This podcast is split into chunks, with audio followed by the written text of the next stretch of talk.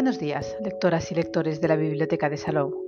Os encontráis en el espacio Bibliosalou Radio, los podcasts bibliotecarios que os informan diariamente y vía radio de las novedades bibliográficas de la Biblioteca de Salou. Los podcasts de los miércoles os hablarán de lo que podemos encontrar en las redes sobre una de las novedades de narrativa en castellano del próximo mes de septiembre.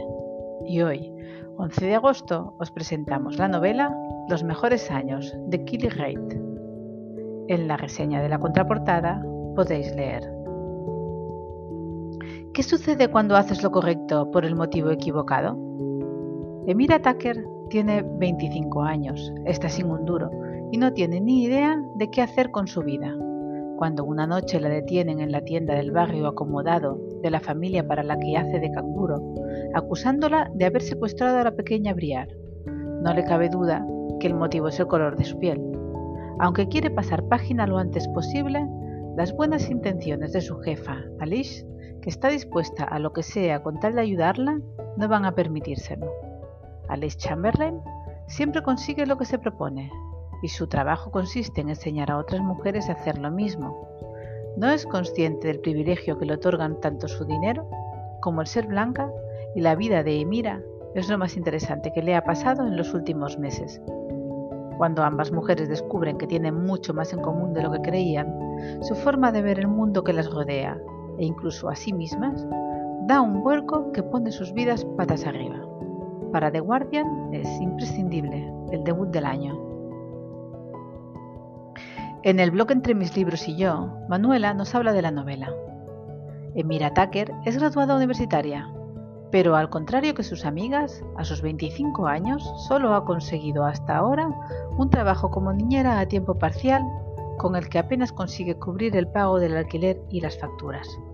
Cuando una noche, durante una fiesta de cumpleaños, es requerida de urgencia por los padres de Brian, la niña a la que cuida, para que acuda a la casa por una emergencia doméstica y se la lleve a dar un paseo, Emira decide que una vuelta por el supermercado puede ser buena idea, hasta que allí se produce un tenso enfrentamiento con el guardia de seguridad que por el color de piel de Emira, de raza negra y por su indumentaria, da por hecho que ha podido secuestrar a la niña. Así comienza Los mejores años, con un capítulo inicial que combina a la perfección en una misma escena la tensión de la amenaza a la que la protagonista se ve sometida con ciertos toques de humor que aportan diversión y visten de agilidad a un primer capítulo que nos prepara para el tema central de la novela, el racismo. Junto a la protagonista, Alice Chamberlain, su empleadora, es el otro gran personaje de los mejores años su habilidad para escribir cartas y su presencia en redes sociales ha hecho que actualmente, tras su segunda hija y recién trasladada a Filadelfia con su marido, presentador de televisión, pueda dedicar el tiempo a escribir un libro con el que tampoco consigue avanzar demasiado. Pero el incidente en el supermercado hace que Alice se obsesione con Emira y quiera hacer de ella su nuevo proyecto. Alice es el cliché caricaturizado de la madre trabajadora perfecta, con éxito en todas las facetas de su vida. Un personaje tan bien trazado que desde el primer momento se siente como reconocible tanto para lo bueno como para lo malo. Es de alabar cómo enfoca el tema la autora de forma que las situaciones en las que Mira se ve condicionada por el color de su piel llegan a ser tan naturales que uno tiene que detenerse para darse cuenta de que sí, que incluso esa sobreprotección a la que Alice comienza a someter a Emira también es racismo. La autora pone así de relieve una serie de prejuicios y actitudes tan arraigadas en la sociedad que por tan cotidianas pueden llegar a obviarse que se trata de un grave problema. Un problema al que también se añade la cuestión de la clase social, el dinero y el poder que junto con la maternidad en menor medida son los otros temas que trata la novela con tanto acierto.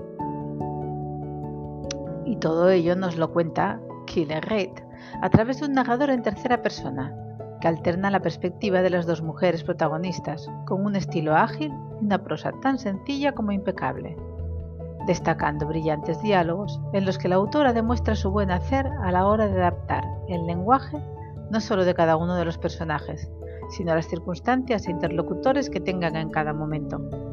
En definitiva, Los mejores años es una obra tan entretenida como condenatoria, una sátira social que no dudo en recomendaros. La novela, editada por Suma de Letras y traducida al castellano por Laura Vidal, está nominada al premio Man Booker y ha sido ganadora de los premios Goodreads Choice como la mejor novela debut de 2020. ¿Y qué sabemos de la autora? Killer Reid se formó en el taller de escritores de Iowa, donde se le otorgó la beca Truman Capote y enseñó escritura creativa enfocada en temas raciales y de diferencia de clases. Sus relatos han sido publicados en Plowshares December, New Shoes y Lumina. Vive actualmente en Filadelfia. Los mejores años es su primera novela y con ella ha logrado un éxito asombroso. Los derechos de traducción se vendieron a 17 países y ya hay una adaptación cinematográfica en camino. Y hasta aquí el podcast de hoy, pero tenemos más novedades de narrativa en castellano que iremos descubriendo cada miércoles a las 11. Que tengáis muy buen día y muy buenas lecturas que os acompañen en el día a día.